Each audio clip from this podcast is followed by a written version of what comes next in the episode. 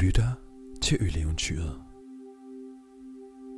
Lambic is uh, is the the alpha, the omega, the beginning and the ending. There's there's once you reach, I, I feel that once you reach lambic in your beer hobby, there's really no turning back. It's it's kind of it's kind of end game.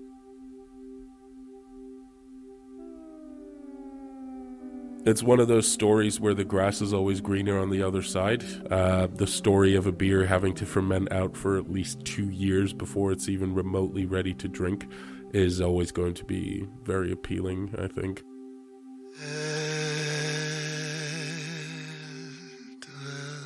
Vi sidder i kø lige nu til øh, bare 1420's øh, F-Day. Der er, nogle, øh, der er nogle flasker, der bliver re- releaset i dag, så det kan godt betale sig lige at sidde en lille smule udenfor til at være forrest i køen til de her flasker.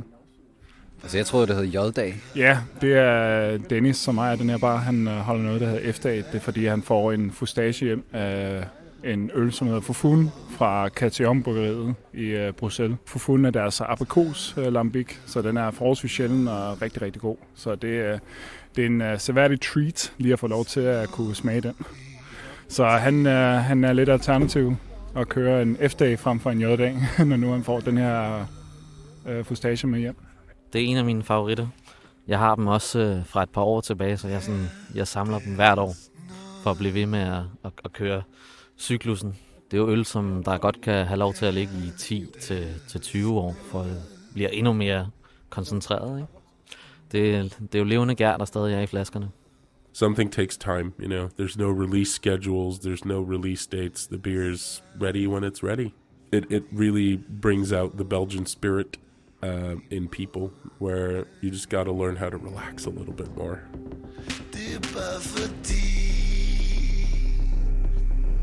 My name is Dennis. I'm a devious Belgian. I've been here in Copenhagen for three and a half years now. Uh, still not so good with the Danish, but so is life. Uh, I have been running uh, 1420 together with my colleague Meryl for about a year and a half. I've been a beer nerd for the better part of about 10 years. Uh, it started all around about 2010, I think, uh, when I was still uh, in university.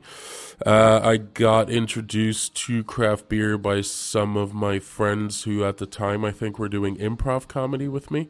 Um, and they were also the first people to get me to drink lambic, uh, which was a different experience, fair to say. Uh, I, I never judge people uh, uh, in terms of what their first experience with uh, with sour beer in general or lambic specifically is. Uh, because I I probably didn't have the best experiences myself. Altså, det er jo, det er jo spontangæret, så det, er- det bliver lidt uh, surt, og altså, det bliver lidt komplekst, kan man kalde det. Øh, ja, det lyder fjollet, når man siger det. Men, uh, men uh, der, det er jo rigtig dybt og smager bare generelt rigtig, rigtig godt, hvis man er til sådan noget. Kan du huske første gang, du smagte sådan sur øl? Det er sgu mange år siden. det, nej, det smagte, jeg, jeg rindrer stærkt, da første gang jeg smagte uh, rigtig lam. God, og jeg tror endda, det var en god lambikflaske, så synes jeg, det var forfærdeligt. Så uh, der, der gik faktisk nogle år, inden at jeg sådan egentlig synes, at det var værd at prøve. Og nu, uh, nu er jeg kæmpe fan. I, I, I'm not going to say I was forcing myself to drink it, but I was drinking it uh, out of um, pure interest for the heritage, the the traditional aspect. Uh, but then I honestly, well, there there was that trip to Stockholm where I had one beer in specific, which was the first batch Cantillon Iris, 1996. Uh, but that was the beer that made me go, sour beer can taste like this. Like it is very very tasty. Som min kammerat før sagde, så kunne jeg overhovedet ikke lide det første gang. Jeg troede, jeg havde købt en øl, der blevet dårlig. Og op og høre i baren, hvad det var for noget. Men det var åbenbart meningen, den skulle være sådan. Øhm, men så prøver man det igen, og så kan man godt vende sig til det. Og nogen finder aldrig ud af, hvad det er for noget, og andre synes, det smager udmærket. Og jeg kan egentlig godt lide det nu. Så det har taget et stykke tid at, at lære at drikke det, kan man sige. Men, men jeg er også blevet lidt fan af det. I, I, I think lambic has always been probably the most fascinating and expensive of the beer subcultures for me because it literally goes from uh, old people in the region where it's made drinking it uh, in the bag in a box in their fridge uh, at the cheapest price possible, uh, or going out to local bars and drinking it super cheap. Like Lambic used to be cheaper than Pilsner, to these vintage bottles of rare fruit lambic and stuff like that that get sold for hundreds, if not thousands, of, of dollars.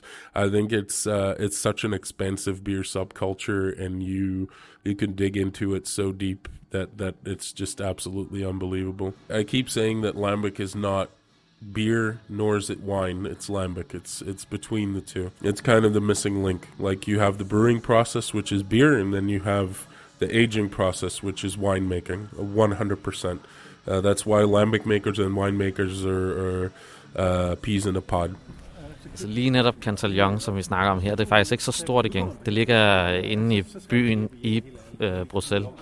Øh, og når man ser det sådan fra deres facade, så tænker man, det her det, det er ikke meget større end den bar, vi nærmest står udenfor.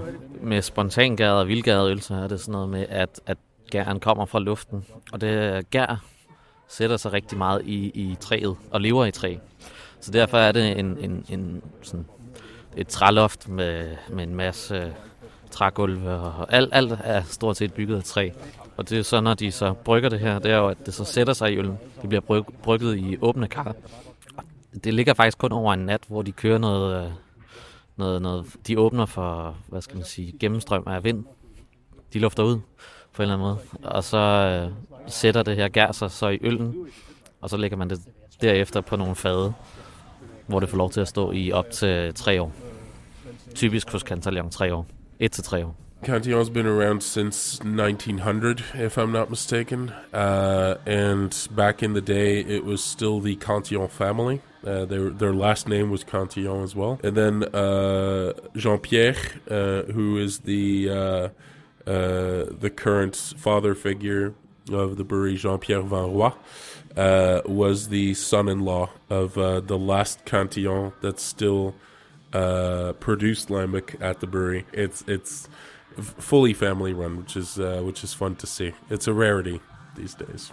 What what people seem to underestimate is that lambic actually gets its flavor from being a little bit dirty. Um, like there are a lot of sour beer producers around the world that are trying to do it now, and and the results are just a little bit one dimensional, and the reason is because it's too clean. There was actually in the 90s, if I'm not mistaken, uh, an envoy from the uh, Belgian Ministry of uh, Public Health uh, that was sent to a lambic brewery and was quote unquote completely shocked uh, by what she saw there in terms of like you know spontaneous fermentation, the coolship uh, having uh, having everything open and letting the bugs in the air do their job.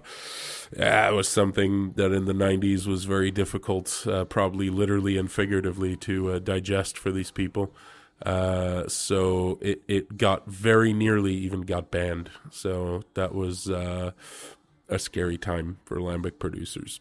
There are certain uh, environmental uh, aspects that need to be respected, such as if you have, for example, natural wood in the in the ceiling or anywhere around you, you have to keep that wood because over the ages that wood has been permeated with um, the culture, the yeast culture of the brewery or the blendery, and that's just something that gives the beer its flavor and its character. And uh, there's there's no two ways about it. You cannot be. You have to trust Mother Nature, and you could not be too clean. Does that sometimes mean that you have to dump a batch because it gets infected? Yeah, that that absolutely does mean that. But um, you took a risk. You took a risk, and uh, Mother Nature does it for you. But when you do come out on the good side of that risk, then you get an amazing beer and not if you just you know add a little bit of smack pack magic and um, it just doesn't work like that you do not get beer of that quality if you do that Fou'Foune was different because back in the day, I believe the first time they did it was in 1999. Um, it was one of very few lambics that had ever been done in terms of fruit lambic that was not traditional cherry or raspberry. Uh, Cantillon had done some experiments with uh, wine grapes uh, before, but as much as it was adventurous at the time, uh, it, it, was kind of a thing where uh, grapes were kind of, you know, uh, a natural transition for lambic into the wine world. But apricots was like, woo, that's that's completely different. Cantillon is really spearheading the experimental movement right now, and, and it shows that even 20 years ago, they were releasing beers that made people go, oh, wow, uh, this is very different. And it's kept its uh, legendary status ever since, and it's just a damn good beer, too. My quote that I always use is that uh, saying you don't like beer is like saying you don't like food. There's way too much variety. And, uh, people think in a very uh, uh, very fixed way about beer here in Denmark. I've noticed, and um, and of course, there's that legendary uh, first order that I ever got here and working in Copenhagen three and a half years ago now, when they came in and asked for a light beer. And I thought, oh, like light in alcohol, I guess. So you can drink a lot of them in, in, in a night, which is a good idea, I think, which is very wise. And they go, no, no, light in flavor as a Belgian, that concept is completely strange to me. Wanting a beer that doesn't taste like anything. Uh, but hey, look, uh, I've I've uh, learned a lot of the Danish quirks. I'm I'm proud to say that I've uh, partially at least cracked the code. In Copenhagen, I mean, do people drink sour beer, Lambic? It's uh, it's a good question. It's on the way, I think, but the introduction of lambic uh, takes time. It's a very acquired taste, and um, but it's it's absolutely amazing to see how I shock people, uh, literally on a weekly basis.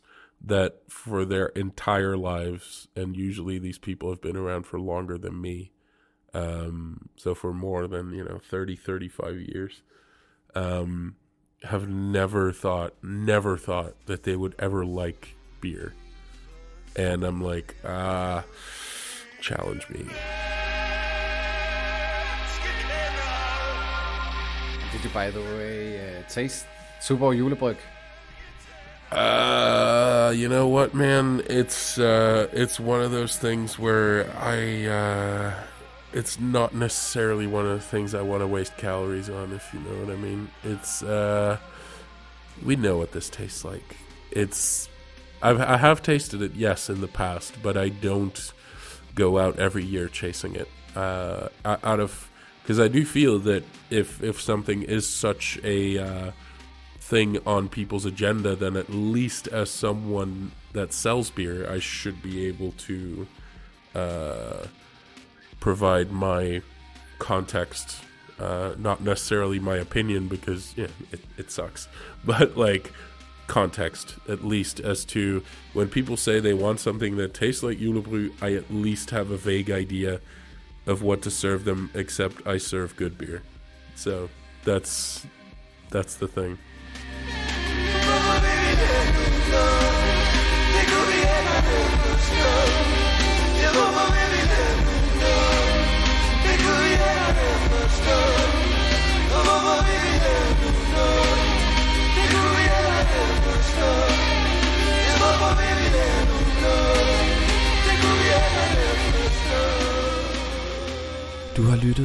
Til Øleventyret.